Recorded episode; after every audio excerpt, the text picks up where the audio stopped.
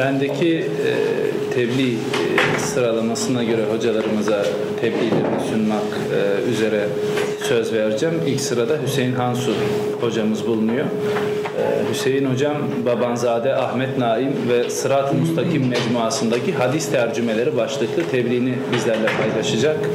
Ben sözü uzatmadan mikrofonu kendisine bırakmak istiyorum. Buyurun Sayın Hocam.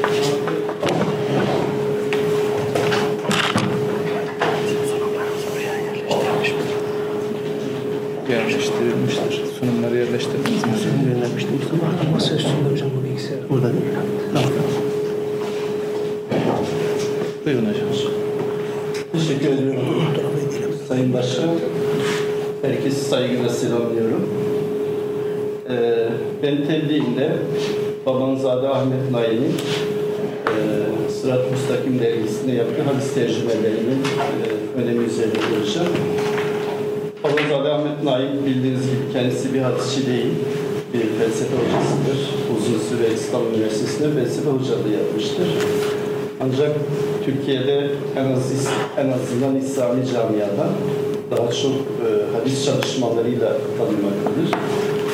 Tecrübi Sarih adlı Buhari Muhtasarı'na yaptığı tercüme Diyanet İşleri Başkanlığı tarafından basılmış Cumhuriyet'in ilk yıllarında ve uzun süre Türkiye'deki hadis kültürü, hadis bilgisi ihtiyacını karşılamıştır.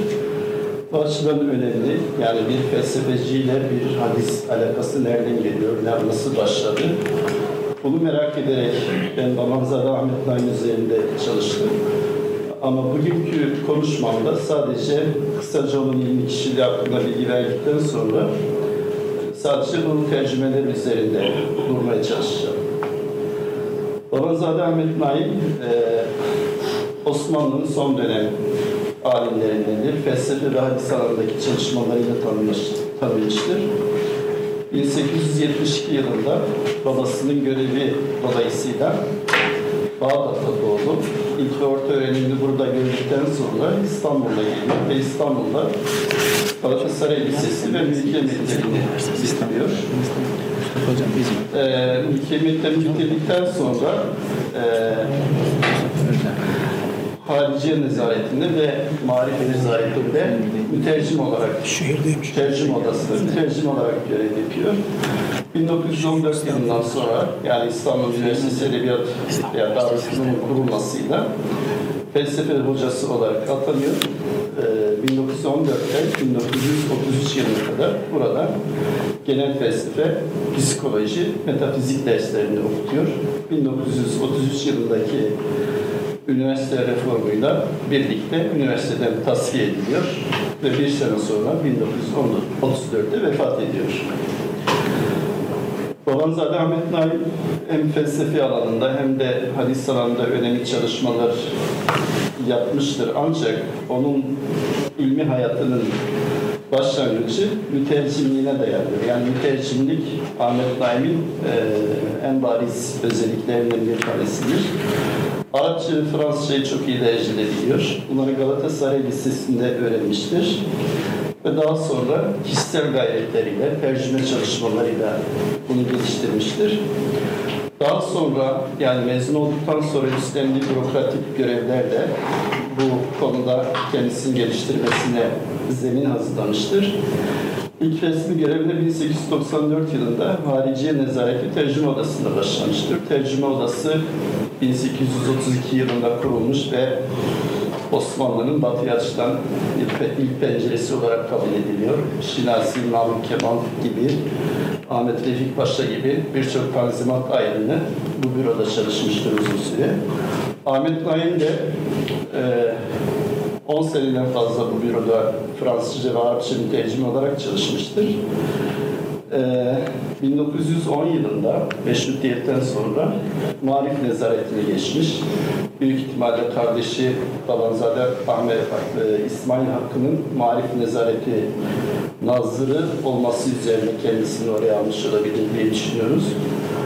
Ve burada da yine e, tercüme çalışmaları yapmıştır burada. Çeşitli ıslahların felsefe ve bilimsel ıslahların Türkçe'ye tercümesi üzerinde çalışmış ve buna dair komisyonlarda görev almıştır. Ee, Ahmet Naim Hariciye nezaretindeyken 1900'lü yıllardan sonra o dönemde yayınlanan Servet Fünun dergisinde Arapça şiir çevirileri yayınlamıştır. 1914 yılında şeye geçtikten sonra Darülfünun felsefe bölümüne geçtikten sonra daha çok Fransızcadan e, felsefe makaleleri ve felsefe kitapları tercüme etmiştir. E, onun hadisle ilgili tercümeleri ise 1910 yılından sonra başlıyor. Yani e, İslamcılık hareketine katılmasından sonra başlıyor. Kendisi dindar bir çevreden gelmekle birlikte ilk dönemdeki düşünce çizgisi daha çok itaat ve terakkiye yakın bir çizgide devam etmiştir. Ancak ikinci meşrutiyetten kısa bir süre sonra Mehmet Akif'le birlikte bunlar çok yakın dostlar aynı zamanda e, şeyden ayrılmış, itaat ve terakkiden ayrılmış. Daha sonra e, İslamcılık hareketine katılmış ve burada e, Sırat-ı Müstakim, Sebil-i Reşat dergilerinde e, hadisle ilgili, fıkıhla ilgili, kadın konusunda, kelam konusunda çeşitli yazılar yazmıştır. Bu dergilerdeki yazıların büyük çoğunluğu hadis tercüme ve yorumlarından oluşmasına rağmen kendisi daha önceden hadis ya da herhangi bir din, ilim tahsil etmiş değildir. Hadis ve diğer dini ilimleri kendi kişisel gayretleriyle öğrenmiştir. Ee, yani özellikle e, yani ilk, ilk tahsilini, ilk dini tahsilini bir Osmanlı Paşası olan ve aynı zamanda dini alanda kitaplar yazmış bulunan Mustafa Zihni Paşa'dan almış.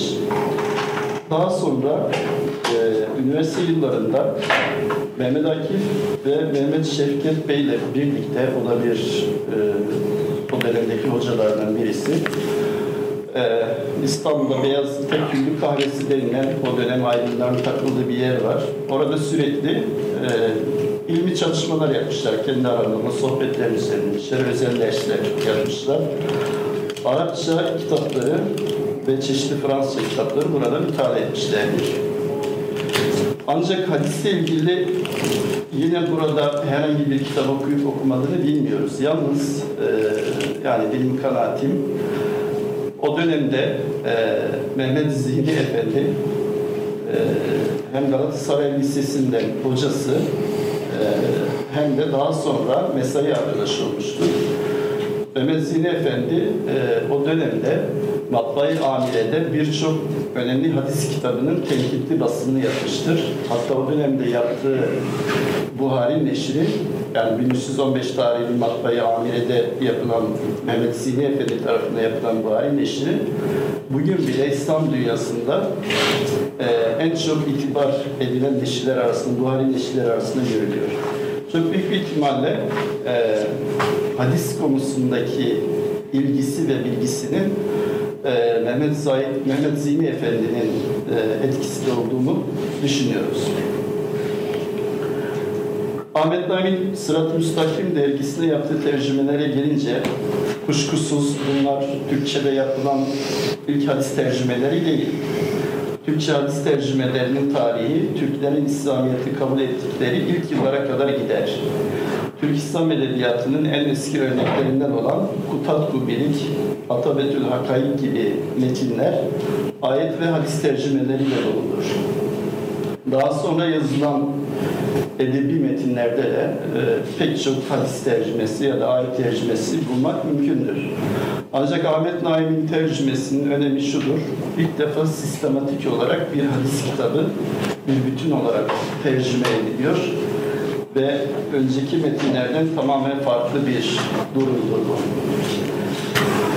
Ahmet Naim dönemine kadar hadis veya Kur'an-ı Kerim'in Türkçe tercüme edilmeyişinin nedeni açık yani buna bir ihtiyaç duyulmamasıdır. Çünkü İslam eğitim dili Arapçaydı. Zira İslam eğitimin temelini oluşturan Kur'an-ı Kerim Arapça olarak nazil olmuştur. Ve bütün milletler, yani Araplar dışındaki bütün milletlerle Kur'an-ı Kerim'i Arapçasından okuyup öğrenmişlerdir. Kur'an-ı Kerim tesiriyle hadisler de aynı şekilde e, efendim Arapçasından öğrenilmiştir. Yani diğer milletlerden yetişen alimler Kur'an'ı ve hadisleri orijinalden öğrendiler ama bunları kendi milletlerine, kendi ana dillerinde öğrettiler. Bunu yaparken ayrıca kendi milletlerine Arapça öğreterek onları Arapça yol, Arapçalı, Araplaştırma yoluna gitmediler kültürel olarak da. Sadece dini metinler, dini hükümler anlam olarak tercüme edildi ve eee Dolayısıyla bu anlamda yani Kur'an ve hadisin tercümesine ihtiyaç duyulmadı. 19. yüzyıla kadar durum böyledir. Bundan dolayı İslam kültüründe bu tercümelerin yapılıp yapılamayacağına dair bir tartışmanın biliyoruz. Yani ciddi bir tartışma yok İslam kültür tarihinde bu e, dini metinlerin başka dillere çevrilmesiyle ilgili olarak. Efendim, evet. Ancak Avrupa'daki reform ve uluslaşma hareketlerinin 19. yüzyılda Osmanlı'da da hissedilmesiyle dini metinlerin Türkçe'ye tercüme tartışmalarında başladığını görüyoruz. Tanzimatla başlayan bu tartışmalar sonucunda Türkçe eğitim veren mektepler açıldı ve önceleri sadece dini olmayan ilimler Türkçe olarak öğretilirdi. Ancak başta Kur'an-ı Kerim olmak üzere dini ilimlerin de Türkçe okutulması bu dönemden itibaren tartışmaya başlandı. Hatta yapılan bir araştırmaya göre ikinci meşruiyetin ilanından sonra o dönemde yayınlanan gazete ve dergilerde en çok tartışılan mesele Kur'an-ı Kerim'in Türkçe'ye tercüme edilip edilemeyeceği meselesidir. Ne var ki bu tartışmalar ulemanın sert tepkisiyle karşılaşmıştır. Çünkü tartışmalar görünürde Kur'an'ın daha iyi anlaşılması gerekçesine dayandırılıyor idiyse de gerçekte ulusçuluk hareketleriyle yakından ilişkiliydi. Uluslaşma hareketlerinin nihai, nihai amacı ise dini millileştirmek ve milli kültürün bir parçası haline getirmekti. Ulema da tercüme hareketlerindeki bu niyeti sezdiği için efendim bunlara sert tepki göstermiştir. Hatta bu konuda ileri giden bazıları e, İslam'ı protestanist bir hareket usulüne getirmek konusundaki niyetlerini gizleme ihtiyacı bile duymuyorlardı. Ancak Şeyhülislam Mustafa Sabri Efendi'nin de ifadesiyle böyle bir tercüme ile hedefledikleri şey Kur'an'ı Türklere yaklaştırmak değil, aksine Türkleri Kur'an'dan e, uzaklaştırmak amacına matuftu. Nitekim sonraki gelişmelerde ulemanın bu konudaki sezgilerini ve tahminlerini de haklı olarak göstermiştir. Tanzimat döneminde dini metinlerle ilgili yapılan tartışma sadece onların tercüme meselesi değil. Bu dini metinlerin gazete ve dergilerde yayınlanması da büyük bir sorun oluşturmuştur. Yani çünkü 1831 yılından itibaren kültür hayatımıza giren gazete ve dergiler e, kısa sürede toplumsal kültürün şekillenmesine oldukça etkili olmaya başlamışlardır. Türkçe eğitim veren mektepler batıdan yapılan tercümeler ve medya zamanla insanların bilgi ihtiyacını besleyen e, önemli kaynaklar haline gelmişti. Ne var ki tıpkı matbaa örneğinde olduğu gibi onların saygınlığını zedeleyeceği gerekçesiyle ayet ve hadislerin tercümeyle dahi olsa süreli yayınlarda neşredilmesine izin verilmemiştir. Yani ulema bu konuda tepki göstermiştir.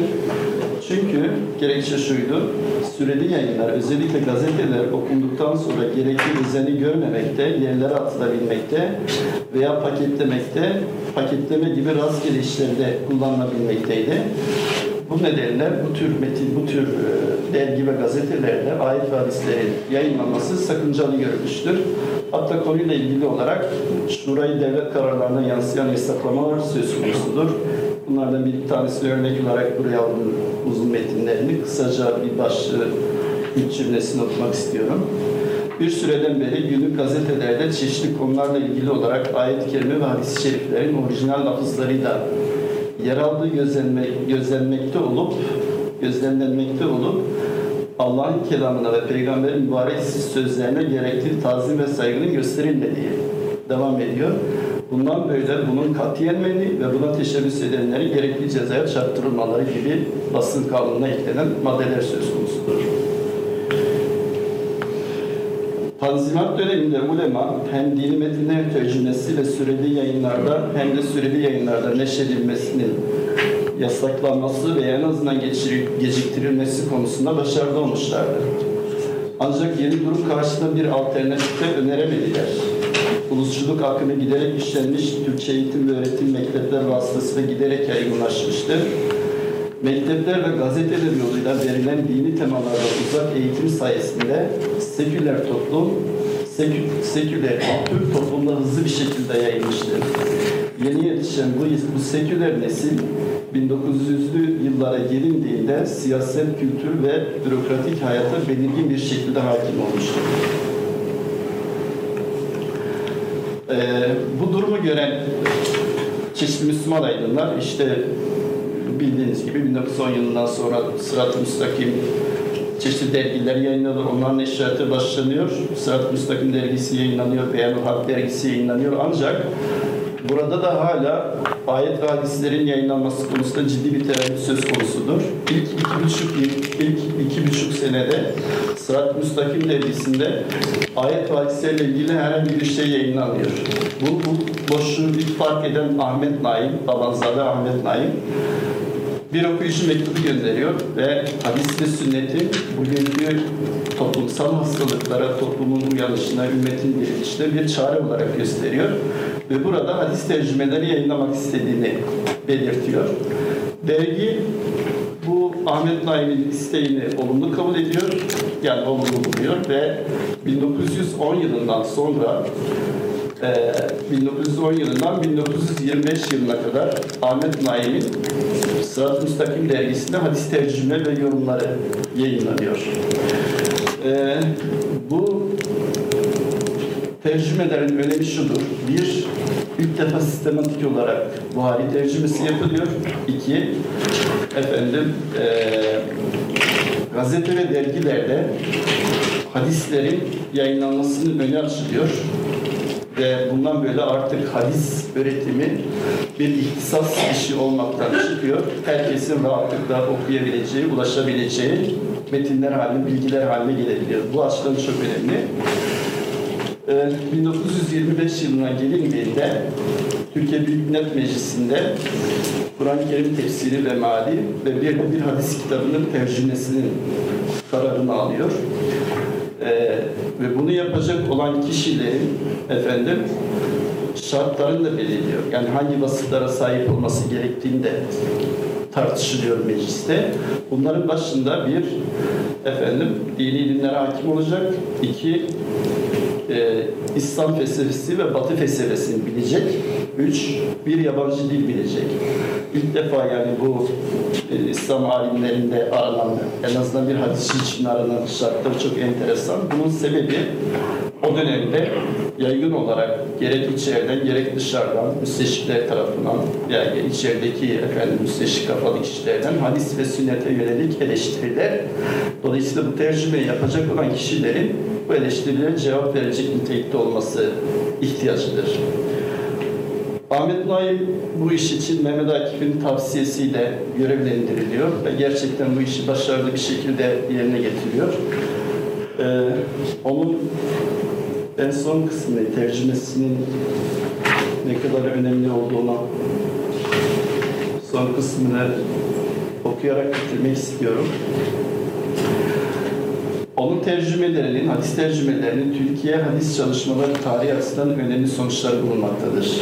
Her şeyden önce bu deneyimle birlikte hadislerin tercümesine ve süreli yayınlarda neşredilmesine dair ter- tereddütler giderilmiş oldu. Böylece hadis öğrenme ve öğretme medreselerde öğrenilen bir ihtisas işi olmaktan çıktı, medya yoluyla daha geniş bir okuyucu kitlesine ulaşma imkanı buldu. Bu tercümeler sayesinde özellikle mekteplerden yetişen nesil herhangi bir din görevlisine müracaat etme zorunluluğunda kalmadan rahatlıkla hadis kitaplarından istifade etme imkanına kavuşmuştur. Cumhuriyet döneminin en önemli hadis çalışmalarından biri kabul edilecek olan Ahmet Naim'in bu eseri medreselerin kapatıldığı, Arapçanın yasak olduğu, klasik ilimleri bilen alimlerin kalmadığı bir dönemde toplumun hadis konusundaki bilgi ihtiyacını karşılamada önemli bir boşluğu doldurmuştur. 1948'de ilk baskısı tamamlanan eserin 1992'ye kadar 12 baskı, baskı yapmış olması bu ihtiyacı göstermesi açısından önemlidir. Ayrıca ilk hadis tercümelerinin Ahmet Naim gibi deneyimli bir mütercim tarafından yapılmış olmasının hadis tercümeleri konusunda standart bir metodun yerleşmesinde önemli bir katkısı olmuştur. Daha sonra yapılan Kur'an ve hadis tercümeleri büyük ölçüde Ahmet Naim'in yaptığı e, metodu esas almışlardır. Ahmet Naim hadis konusundaki çalışmalarıyla aynı zamanda modern dönemdeki hadis araştırmacısının sahip olması gereken bilgi donanımı açısından da öncü olmuştur. Zira sadece rivayet ve isnada önem veren, hadis ezberleyen, klasik hadis terminolojisine vakıf olmakla yetinen hadisçi formasyonuyla modern dönemin hadisle ilgili problemlerine ve sorularına cevap vermek mümkün olmuyordu. Akademik hadisçiliğin öncüsü kabul edilebilecek Ahmet Naim örneğinde görüleceği üzere modern dönemdeki hadisçinin klasik hadis bilgisinin güncel ve ilmi gelişmeler ışığında yorumlayabilecek, hadis ve sünnete yönelik eleştirilere cevap verebilecek ilmi bir donanıma sahip olması kaçınılmaz bir ihtiyaç haline gelmiştir. Ben burada bitmek istiyorum. Teşekkür ediyorum. Sorular olursa ayrıca. Biz teşekkür ediyoruz. Sağ olun.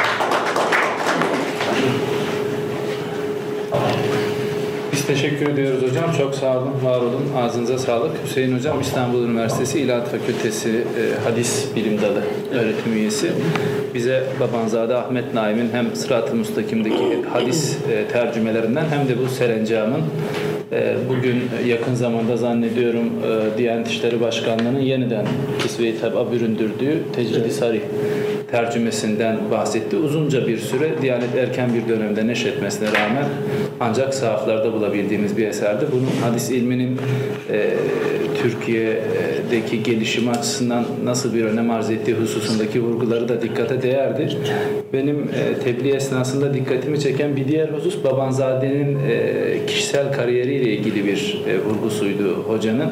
E, silsileyi geleneksel anlamda silsileyi takip edecek bir biçimde dini ilimler tahsili almadığı yönündeki vurgusu önemliydi.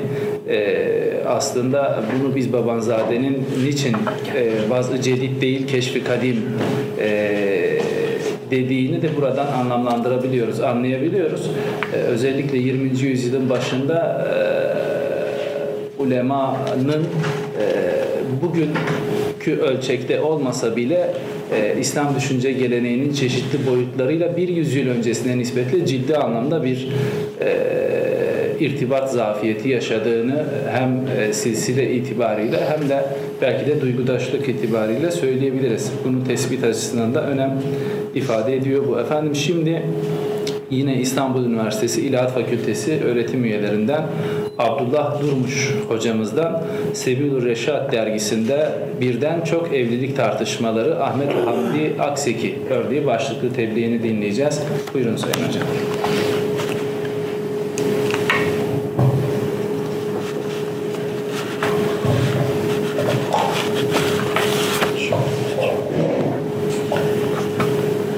Teşekkür ediyorum Sayın Başkanım. Muhterem Hazirun'u saygıyla selamlıyorum. Ee, benim konum Sebilur Reşat dergisinde birden çok evlilik tartışmalarında özellikle Ahmet Hamdi Aseki'nin konuya yaklaşımı üzerine olacak. Ee, İslamcı dergileri içerisinde e, Sebil-i Reşad'ın çok önemli bir yeri var zaten. Bütün tartışmalar, büyük çoğunluğu zaten orada gerçekleşiyor. Ee, burada gerçekleşen e, birçok tartışma var. Aslında derginin e, kapsamı çok geniş. E, bu dönemde Batı karşısında e, geri kalmış ps- psikolojisi var. Bu psikolojinin birçok alanda ya- yansımalarını görüyoruz. Askeri alanda, hukuki alanda, sosyal alanda birçok alanda bu, bu tür tartışmalar yer alıyor ve e, bir anlamda aydınlarda gruplaşmış durumda. Başlıca üç grup var malum. E, batıcılar var, Türkçüler var e, ve İslamcılar var. her bir e, grup kendi zaviyesinden konuyu ele alıyor ve e, tartışmalara katılıyor. Kendisi e, ya belli iddialarda bulunuyor veya savunma savunmalarda bulunuyor. Sosyal alanda e, yapılan tartışmaların büyük bir kısmı da kadın konusu üzerine. Kadınların da e, evlilik ve evlilikte de birden çok evlenme meselesi. Yani e, orijinal adıyla taaddüdi zevcat konusu üzerine gerçekleşiyor. Ee, bu döneme baktığımız zaman batıcıların daha çok bu tür ko- konularda e, eleştirile, eleştirel bir bak, bakış açısıyla yaklaştığını görüyoruz. İştihat dergisinde bu tür tartış- tartışmalar gündeme geliyor. Abdullah Cevdet Celal Nuri gibi kişiler bunu tamamen e, çağdaş değerlere aykırı olduğunu savunuyorlar. Türkçüler e, Türk Yurdu daha çok dergisinde Mansur İzade Said gibi e, kişiler vasıtasıyla bunun bazı açılardan tavsiye edilmesi gerektiğini, Batılılar kadar olmasa da yine bir eleştirel yaklaşım söz konusu oluyor. İslamcılar ise bunun e, sabit olması ayetle olduğu için açık naslar olduğu için e, ve sahabenin ve sonraki e, dönem Müslümanların da uygulaması olduğu için bunun bir, bir anlamda açıklanması ve savunulması tarzında bir yaklaşım sergiliyorlar. Bunlar, bu yaklaşımlardan bir tanesinde işte e, Ahmet Hamdi Akseki'de göreceğiz. Ee, İslamcılar arasında e, bu konuya ve diğer e, konulara İslamcılık açısından yaklaşanlar en çok kimler? Şeyhülislam Musa Kazım, Mahmud Esad, Ömer Nasuhi Bilmen, Ahmet Naim, Fatma Aliye ki e, Cevdet Paşa'nın, Ahmet Cevdet Paşa'nın kızıdır. E, Ahmet Hamdi Akseki'yi görüyoruz e, bu dönemde. Ee, Ahmet Hamdi Akseki bu dönemde e, taaddüdü zevcat konusunda en çok kalem oynatanlardan birisi olmuştur. Sevilür Reşat'ta seri halinde yayınlanan makaleleri var ve bu bizim çalışmalarımızda bu makalelerin e, makaleleri esas alıyor. Bu tür e, bu makalelerin e, Ahmet Hamdi Akseki tarafından yazılmasının e, temel gerekçesi, genel gerekçesi gerek Batılıların gerekse içerideki bazı kendi ifadesiyle bilgisizlerin İslam'ı çirkin gösteren, teatülü zevcat konusunda İslam'ı eleştiren, e, bir takım yaftalar yakıştıran kişilerin fikirlerini e, eleştirmek, onlara cevap vermek. Bir de özel sebep var. Dergiye yazılan bir e, yazı, e, mektup var. Zakircan adında baş, e, Başkırtlı bir genç Sebilül Reşad'a müracaat eder. İşte kendi çevresinde de e, bu tür konularda tartışmaların olduğunu, bu tartışmalara yönelik İslam'ın fikrinin ne olduğunun beyan edilmesini e, isteyen bir e, yazı yazılmasını talep eder uygulamalarla teori arasındaki çelişkilere işaret eder. Bunların nasıl açıklanması gerektiğine dair bir yazı e, yazılmasını ister. Bu talep üzerine de Ahmet Hamdi Akseki e, bu makalelerini yazmaya başlar. Ona göre e, bu eleştirilerin, taaddüdü zevcat konusundaki eleştirilerin temelinde bir defa Batılıların kötü niyetli yaklaşımları yani e, oryantalistlerin e, İslam'ı sırf e, eleştirme niyetiyle yaklaşımları var. Bunun yanında e, İslam toplumu içerisinde taaddüdü zevcatı ya birden fazla evliliği gerek olduğu için değil de sırf şeh- şehvetini tatmin için e, yapanların bazı düştüğü yanlışların olduğunu söyler. Şartlara uyulmadan, gerekli şartlara uyulmadan yapılan evliliklerin neticesinde meydana gelen bir takım olumsuzlukların toplum içerisinde, e, aile içerisinde meydana gelen olumsuzlukların da bu eleştirilerin temel temelinde olduğunu söyler. Nedir bu eleştiri şeyler, olumsuzluklar? Ee, mesela kurallara uyulmadığı zaman aile içerisinde meydana gelen kin, nefret duyguları eşler arasında veya diğer e, yakınlar arasında yine meydana gelen suistimaller ve genel ahlak ihlalleri bu tür eleştirilerin temelinde. Ee, Ahmet Hamdi Akseki bazı genel kabullerle önce yola çıkıyor sonra ilgili ayeti yorumluyor ve kendisi bir neticeye ulaşıyor. Genel mukaddimeler kendisinin e, kabul ettiği genel mukaddimeler şunlar. Kadın ve erkeğin doğası birbirinden farklıdır. Erkekleri kadınlara daha çok meyleder. Kadınların arzusu ise erkeğin sevgi, saygı ve beğenisini kazanmaktır. Ee, Dolayısıyla insan e, kadın ve erkek e, olarak iki e, ayrı cins olarak yaratılmıştır. İki ayrı cinsinde meyilleri farklıdır. E, Asıl meselenin temeli buradan burada yatmaktadır demekte. Kadın ve erkeğin birbirine meyletmesindeki asıl hikmet insan türünün devamıdır. Sonra savaş, hastalık ve benzeri sebeplerle kadın nüfusu toplumda daha fazladır o dönemlerde ve ondan önceki dönemler e, daha da aslında fazla. Çok evlilik caiz olmazsa bazı kadınlar çocuk sahibi olmaktan da mahrum kalır. Çünkü kadın fazla, kadın sayısı fazla, erkek sayısı az.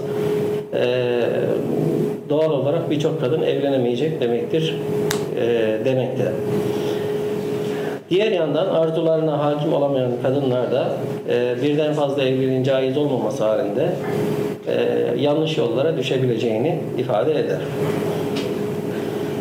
Kadınlar erkeklerin himayesine ihtiyaç duyar. Erkek kadından daha güçlü yaratılmıştır. Çünkü der, Batı çok evliliği yasaklamakla birlikte tek eşe sadık kalma oranı Batı'da çok çok düşüktür. Dolayısıyla yani Batılıların yaptığı, yaptığı eleştirilerin kendi içerisinde bir çelişki oluşturduğunu, e, tek eşliliği savunmakla birlikte fiiliyatta bunu e, hiçbir zaman gerçekleştirmediklerini ifade etmekte. Cahiliyede sadece kadınların gayrimeşru ilişkisi zina kabul ediliyordu. İslam bunu erkeklere de şamil kıldığı için birden fazla evliliğe izin vermiştir demektir.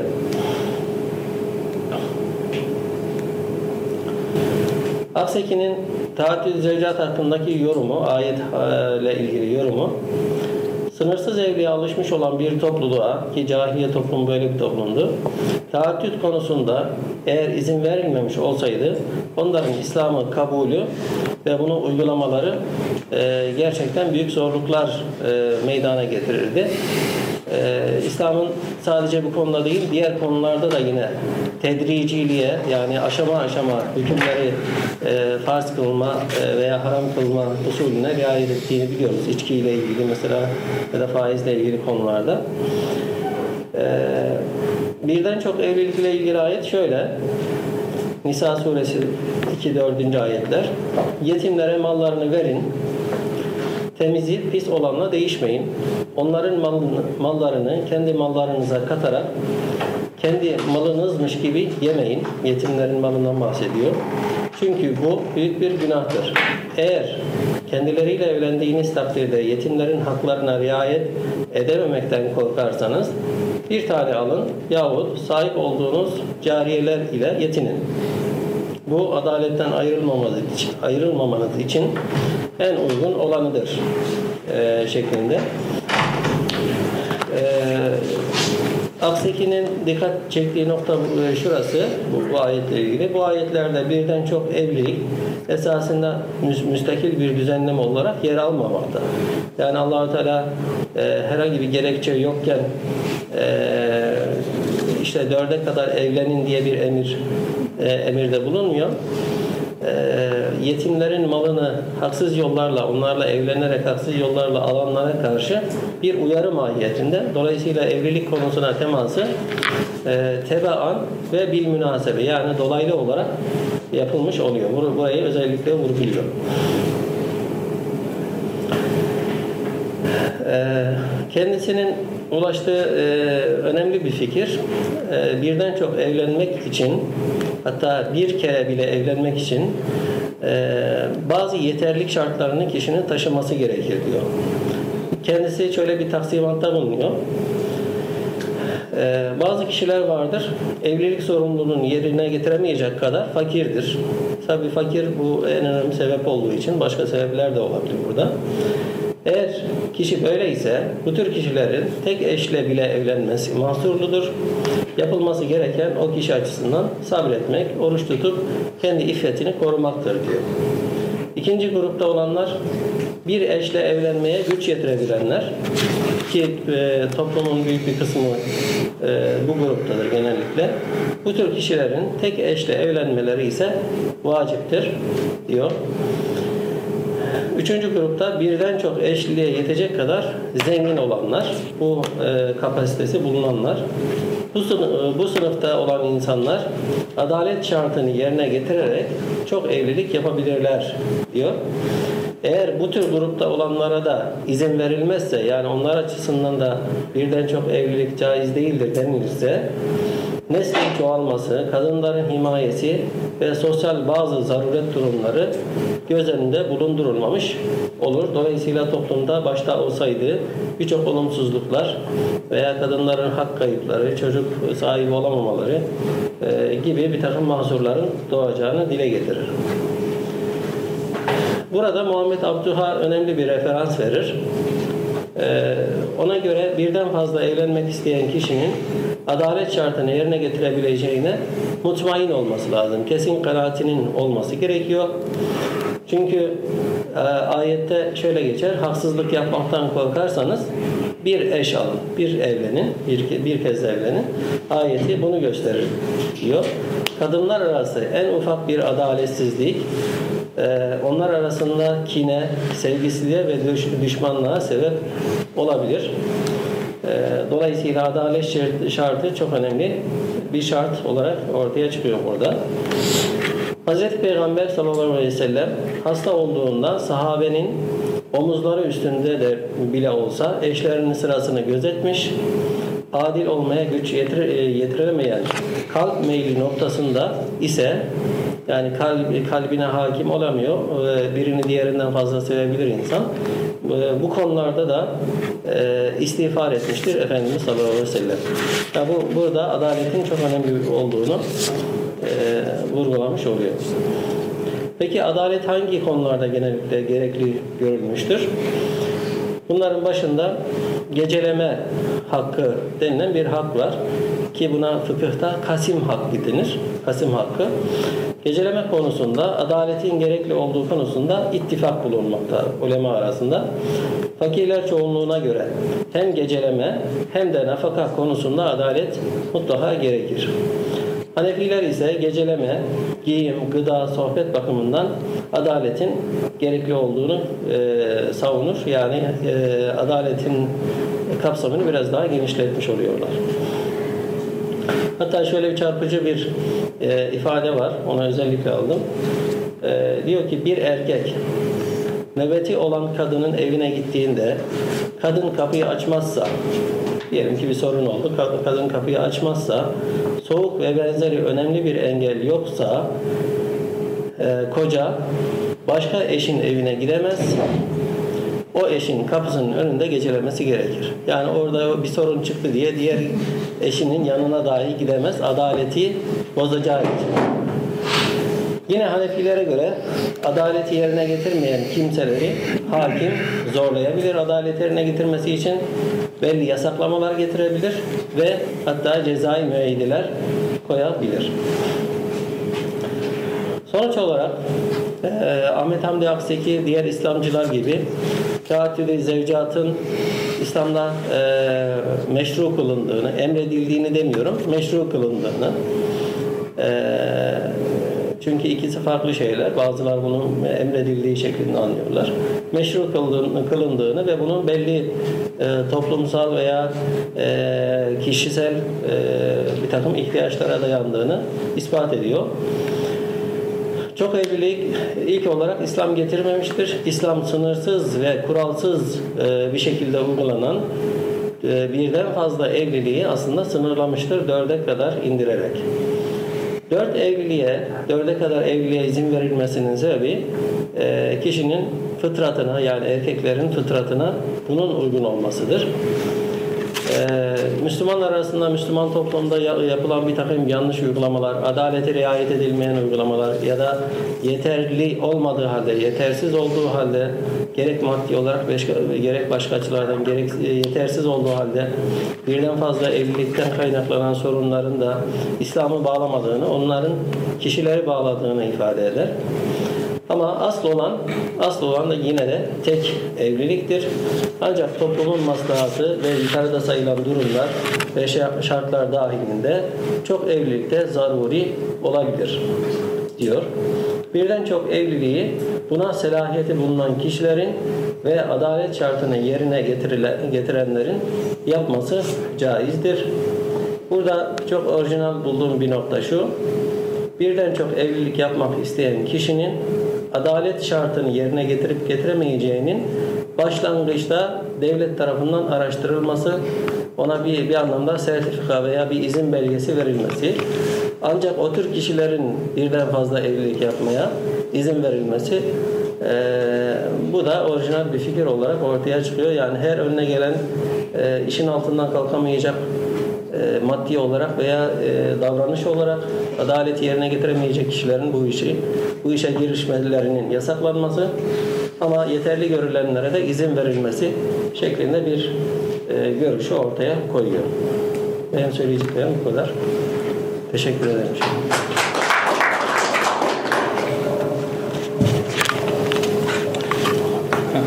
Şöyle buraya da yapayım.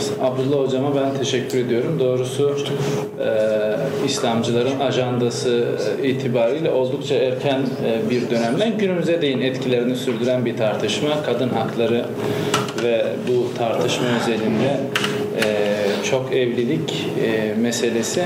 İşin doğrusunu söylemek gerekirse bu tartışma, e, bu mevzu İslamcıların e, tartıştığı ana gündem maddelerin arasında dediğim gibi en, önne, en önemlilerinden birini teşkil ediyor ve umumiyetle İslam ve ilerleme, din ve bilim, insan hakları, efendim kadın hakları, e, gerçek İslam'a dönüş falan gibi mevzularda olduğu gibi e, büyük ölçüde tartışma kaynağı itibariyle apolojetik bir karakter e, taşıyor. Yeri gelmişken bu vesileyle e, sözü uzatmadan ben de bir e, izlenimime yer vermek istiyorum.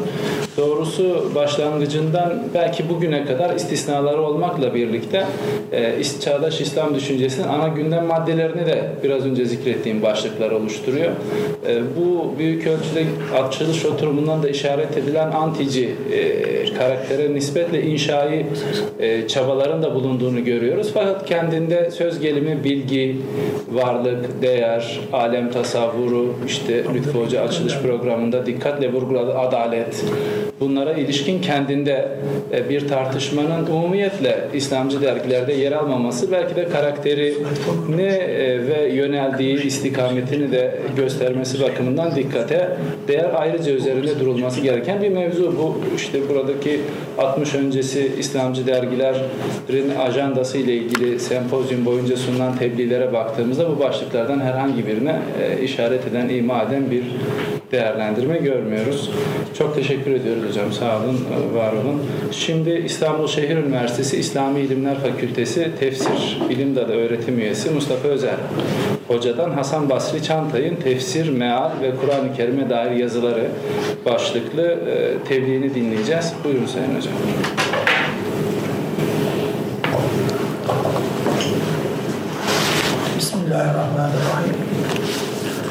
Herkese Allah'ın selamıyla selamlıyorum.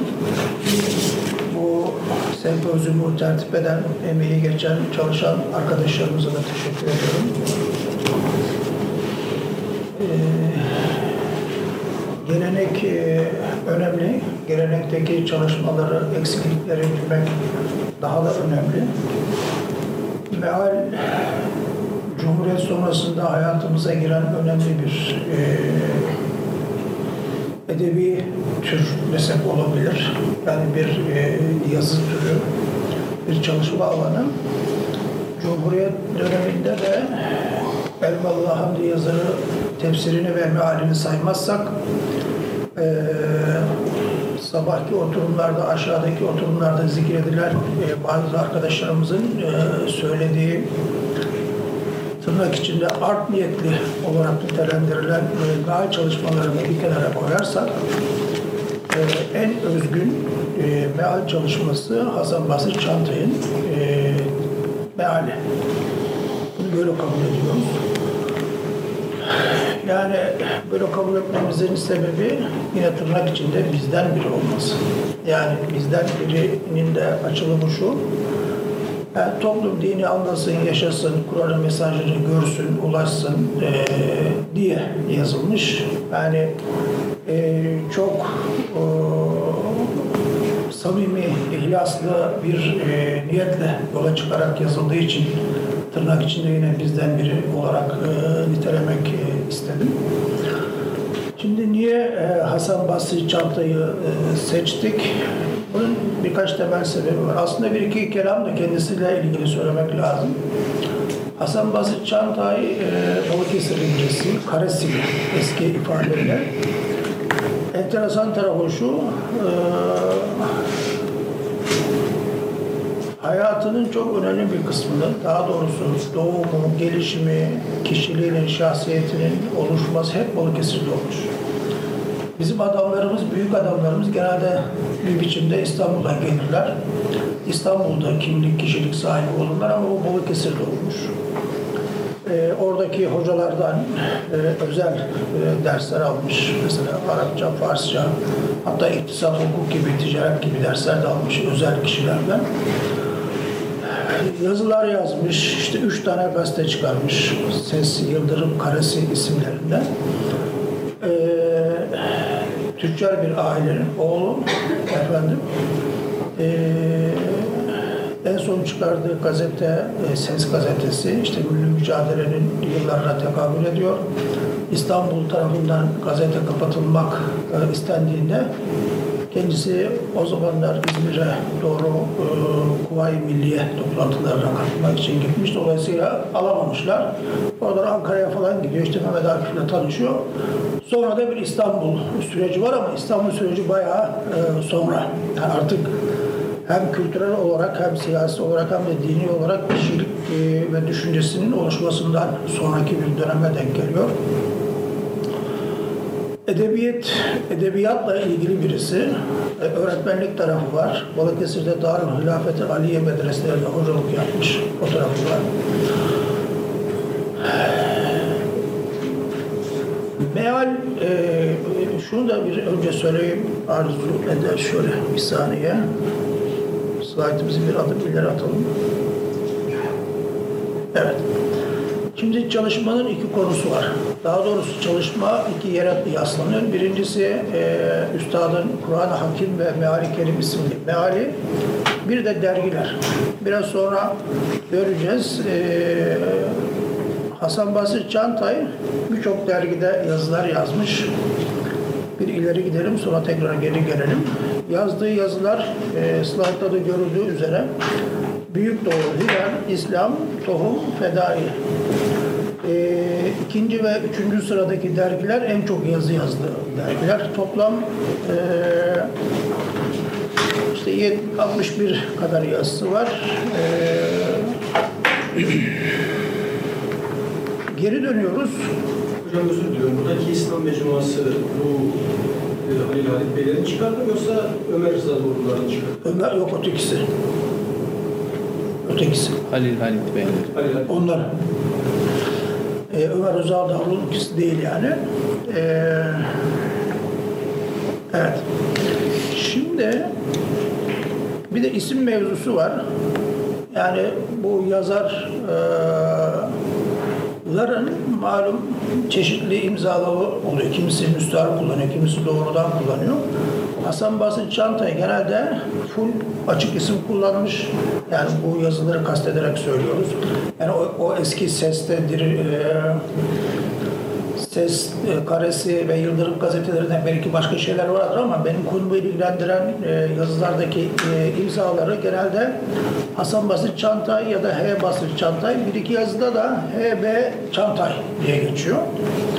E, ama müstahar yazı yazdıysa o tabii onları e, tespit etme imkanım olmadı. Ben e, tabii bir de şunu da söyleyelim. Slide'de gözüküyor ama o kadar evet büyük gözüküyormuş. Bunları tespit ederken bu kurumun biliyorsunuz İslam'da İslamcı dergiler projesi var. O programdan e, yararlanarak e, bu şeyi çalışmayı oluşturduk.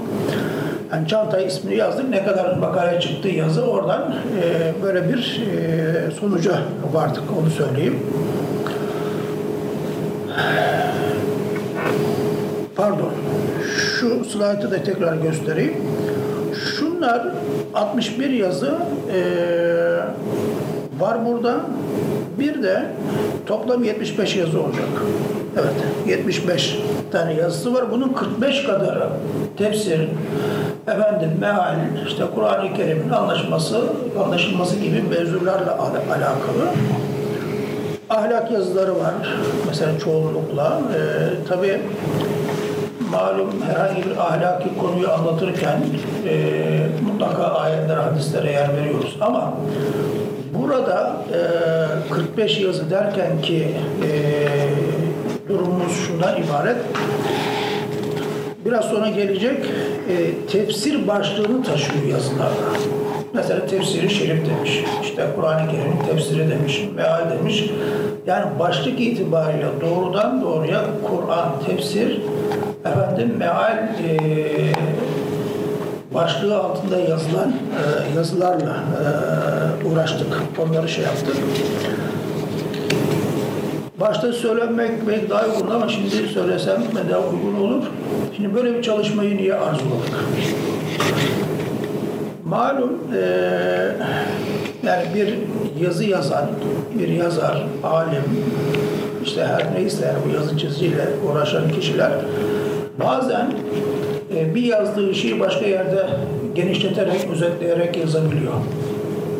Bunu görmek istedim ben. Yani Hoca Efendi merhum e, 1953 yılında meali yayınlamış. İşte yaklaşık e, ne kadar oluyor? 65 küsur yıl geçmiş. İşte ondan bir 20 yıl sonra belki bir e, 10 yıl içerisinde yazdığı yazılar var. Yani dergideki yazılar ile, dergilerdeki yazılar ile mealde yazdığı, e, meal ve tefsir, onların diplomlarında verdiği bilgiler arasında ne kadar örtüşme var, ne kadar örtüşme yok. Ya da olur ya, yani hoca diyelim ki e, bazı meallerinden vazgeçmiş olabilir. Yani bunu biz çok görüyoruz. Mesela bugün e, isimle zikredebiliriz. Mesela Ali Bulac'ın mealinin ilk baskısıyla alsın, baskısını alsak, bir de son baskısını alsak, karşılaştırsak e, birçok farklılık çıkabilir. Aynı şey Yaşar Nuri Öztürk için geçerlidir. Aynı şey Süleyman Hoca için de geçerlidir. Dolayısıyla mealde verdiği mealler ile dergilerde verdiği mealler ve bunların açıklamalarında bir farklılık var mı? Ne kadardır varsa e, veya çok mu farklı? Onu görmek istedim ben açıkçası. Şimdi Hasan Çantay'ın arkadaşlar e, yazılarında kullandığı e, başlıklar var. Mesela tefsiri şerif diyor. Bir alt başlığı var. Ayet-i kerime meali. Tefsir ve hadis var. Tefsiri şerif, mealler, izahlar. Kur'an-ı Kerim'de mealler, tefsiri şerif, meali kerim. Yani tabii bunun bir de alt başlıkları da var. Biraz sonra oraya da geleceğiz. Şimdi bir, üst başlık var. Altında da diyor ki efendim filan ayetin e, tefsiri. İçerik açısından bakarsak dergilerdeki yazılara dergideki yazılar e, değerli arkadaşlar büyük ölçüde ayet tefsiri eksen. Bu ayet tefsirleri de yine büyük çoğunlukla bir ayetin tefsirini ele alıyor. Atıyorum. Eee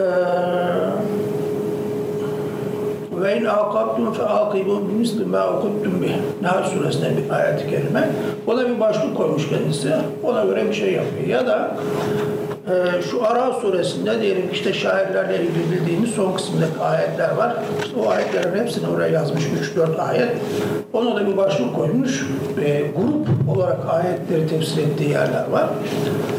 Bir de kısa sureler var birkaç tane. Mesela bunlardan e, birisi Duha suresi, birisi de Asr suresi. Biraz sonra onları e, gösterme imkanımız inşallah e, olacak. Bak şurada bir örnek yazmışız. Evet. Bahsettiğim ayetin başlığı şu. Ayet şurasını şey yapabilirsek. Pardon. İleri gittik. Mesela o Nahl Suresi 121. ayetin e, başlığı diyelim. E, İslamiyet'te mücadele yolları. Hani böyle yazıyor ama altta işte yazı başlarken ayetin meali verilmiş. Ona göre de aşağıda bir takım izahlar e, yapılıyor.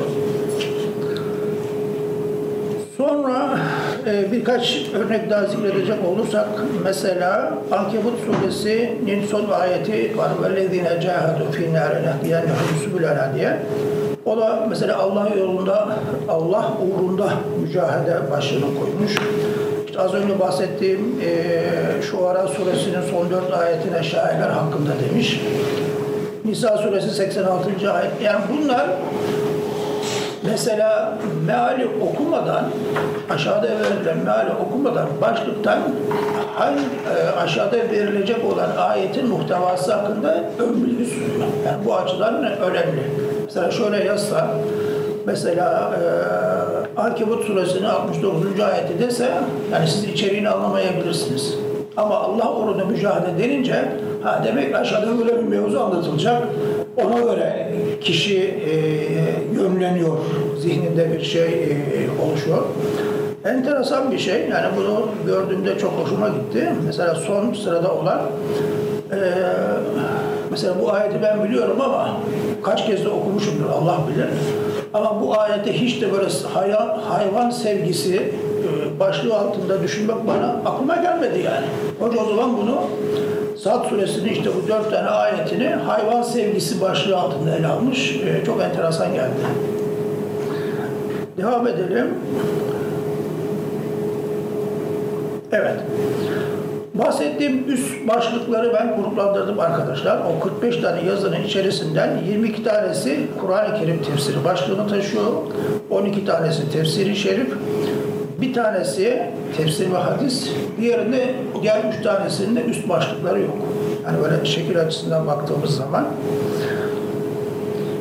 bilgisayar işinden çok anlamadığım için maalesef bunu buraya yerleştirdim ama e, ileri gidiyor. Yani bu da bizim kabiliyetimize alakalı bir hadise değil. Şu Asr suresi dergiden e, aldım. Efendim burada size göstermek istedim ama evet. Efendim? Allah bilmiyorum nasıl. Çık oradan. Son modunu aç İbrahimciğim. Ha, Bir şey göstereceğim sadece. Bir farklılık e, vardı. Onu göstereyim. Escape şeyler. Eski yapıyor? Onu da büyüce Evet.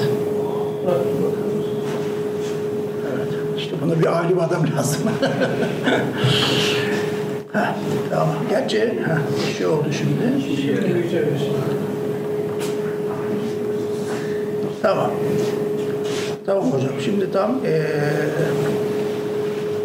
şurada arkadaşlar siz göremiyorsunuz belki. Az önce söyledik arada ne gibi farklar var diye. Şu tefsir yani Asr suresi tefsiri eee mealdeki ile dergideki hem, he- hepsi aynı. Bir şey var farklı olan şu ifade mealde yok.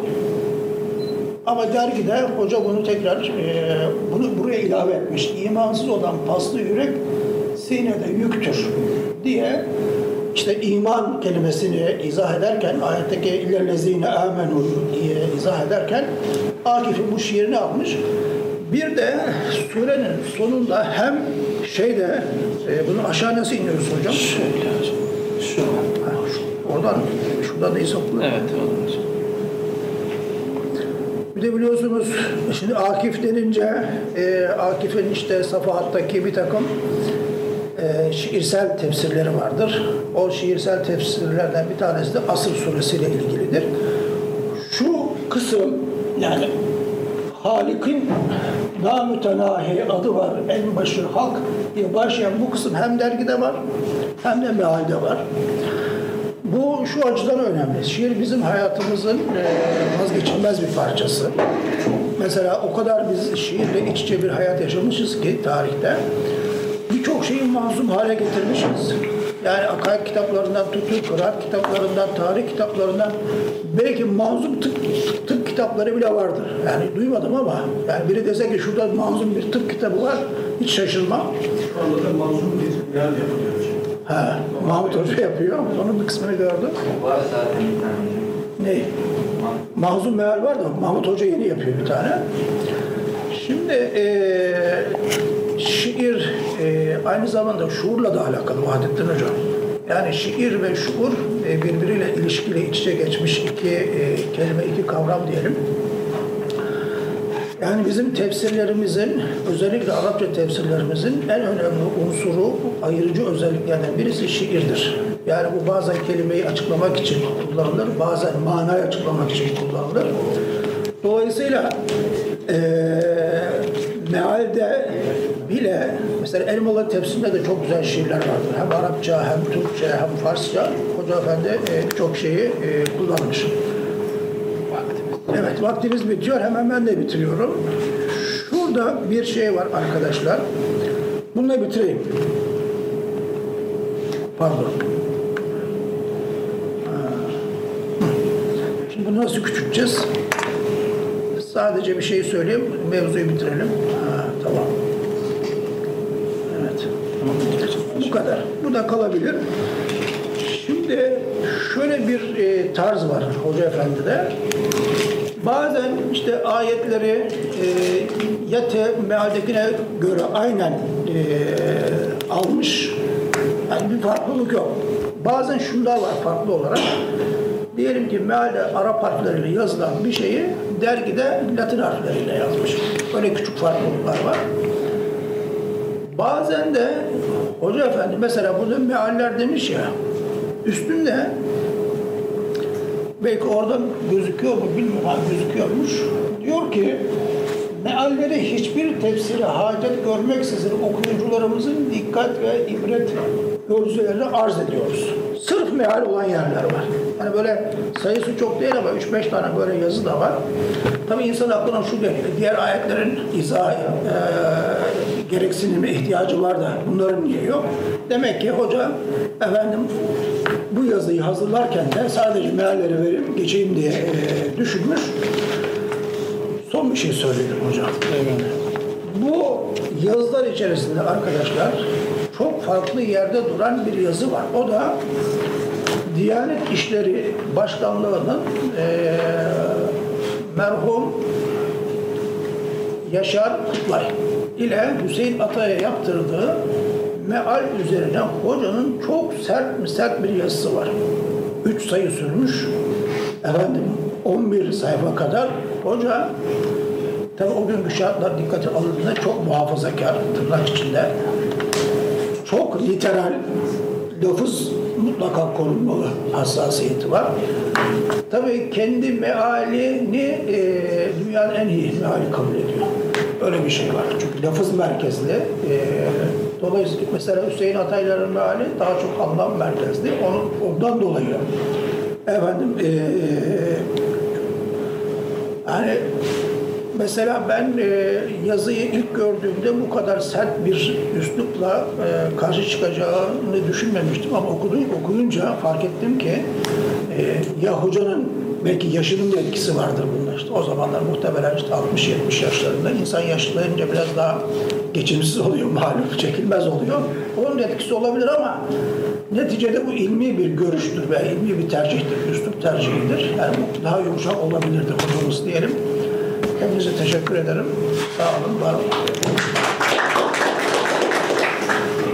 Mustafa Hocama ben teşekkür ediyorum. 10 dakikamız var yaklaşık. Ee, isterseniz bu bölümü de sorulara ayıralım. Ee, buyurun hocam. Mustafa Özel Bey'e Buyurun hocam.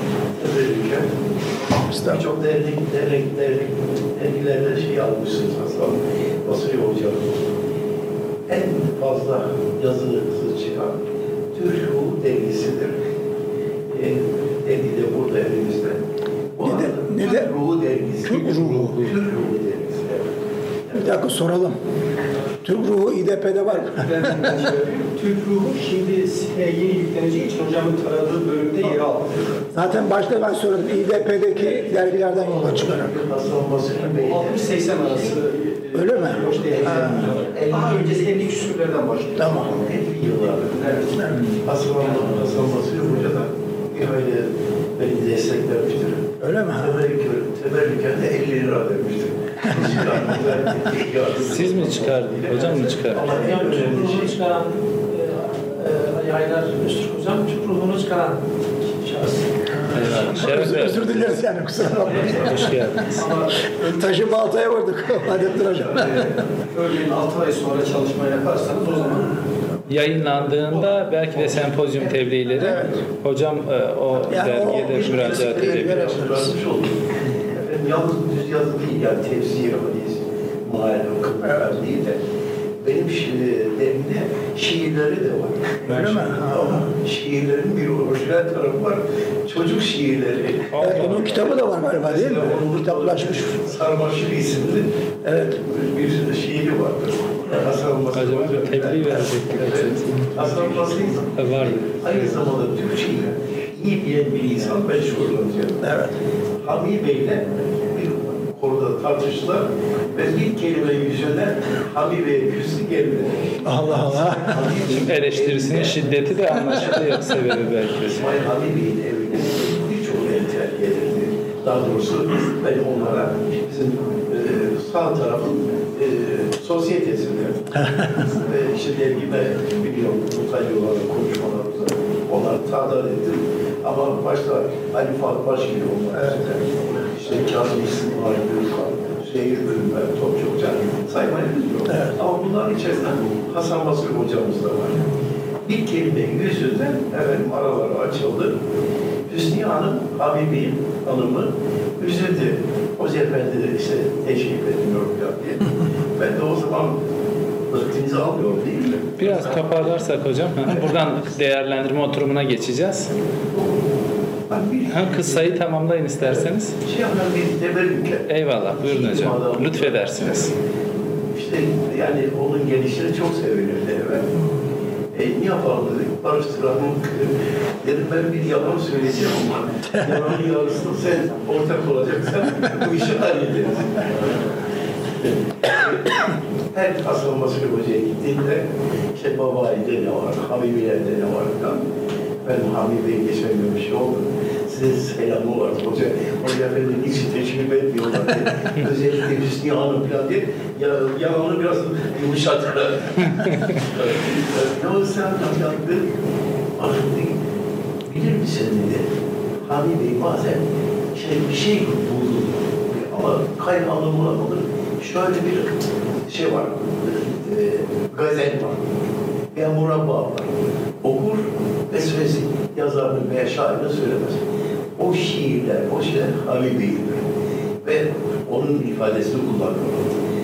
Benim elimde de Hami Bey e, şeyler yani günümüzün en büyük şairi o zaman şey değil mi Yahya Kemal. Yahya Kemal'den daha üstün bir şair dedi. Benim elime malzeme geliyor. Koşarak o tarafa. Hami Bey de bana mola dedi. Ne haber? Efendim çok enteresan bir şey öğrendim. Hocam ara sıra hani bir şiirler okuyorsunuz ya. Şairini söyledim. Ben onu şair, şairini keşfettim buldum. Ne, ne, Efendim onun şair benim karşımda oturan insan. Güldü. Efendim bir teşekkür ederim falan diye barıştırdık yani. Eyvallah. Sağ olun. Var Yani özellikle benim şeyimde şiir var. En azından 4-5 tane çocuk şiiri var. Eyvallah. Çok sağ olun. Teşekkür ediyoruz katkılarınız için. Başka sorusu olan varsa alabiliriz. Ben Hüseyin Hocam'a bir soru sormak istiyorum. Hocam tecrid sahip tercümesinin başındaki Babanzade'nin yazdığı bir usul var. Ee, Bizim elimizdeki o metinler, tercümelerde. Usul, o benimki bu yenilenme tartışmaları da dikkate alındığında klasik usul olduğu gibi yansıtan bir eşitliği mi temsil ediyor yoksa orada bu yenilik arayışlarını dikkate alan bir usul olarak değerlendirilebilir? Ee, Ahmet Nail klasik usulü bir kere mezcetmiş yani klasik hadis usulü kaynaklarını konuların tamamını orada özetlemiş. Ama bir de e, klasik usul kitaplarında olmayan yeni konular da eklenmiş. E, bunlar yanlış hatırlamıyorsam 7-8 konu, orijinal konu yani kendisinin eklediği konu. E, konularda genellikle o dönemdeki hadise yönelik tenkitlere cevap vermiştir. Başta işte Kaytani olmak üzere, Dozi olmak üzere efendim ve başka yine iç tartışmalara cevap verilmiştir. Ee, bu Ahmet Naim'in yazılı usulün önemli bir özelliğidir. Yani günümüzde bile yazılan hadis usulü kaynakları ilahiyatçıların yazdığı kaynakların çoğu klasik usuldeki kitapların tercümesi. Yani günümüz şeyle dinle tercümesinden ibarettir. Hiç yeni konulara, metodolojiye girdiklerini ben görmedim ama Ahmet Naim şeyinde, mukaddimesinde uzunca bir dönüm e, tarih metodoloji, tarih felsefesiyle e, hadis tenkit kurallarının karşılaştırılmasını yapıyor. Baştan orijinal bölümler mevcuttur tabii ki. Evet. Teşekkür ediyorum hem hocalarıma hem de e, dinleyicilerimize. Biz birazdan aç, kapanış oturumuna geçeceğiz. Böylece bu oturumun 9. oturumun İslamcı Dergiler Sempozyumu'nun sonuna gelmiş olduk. Oturumumuzu hocalarımıza sertifika takdimiyle neticelendirmiş olacağız. Ben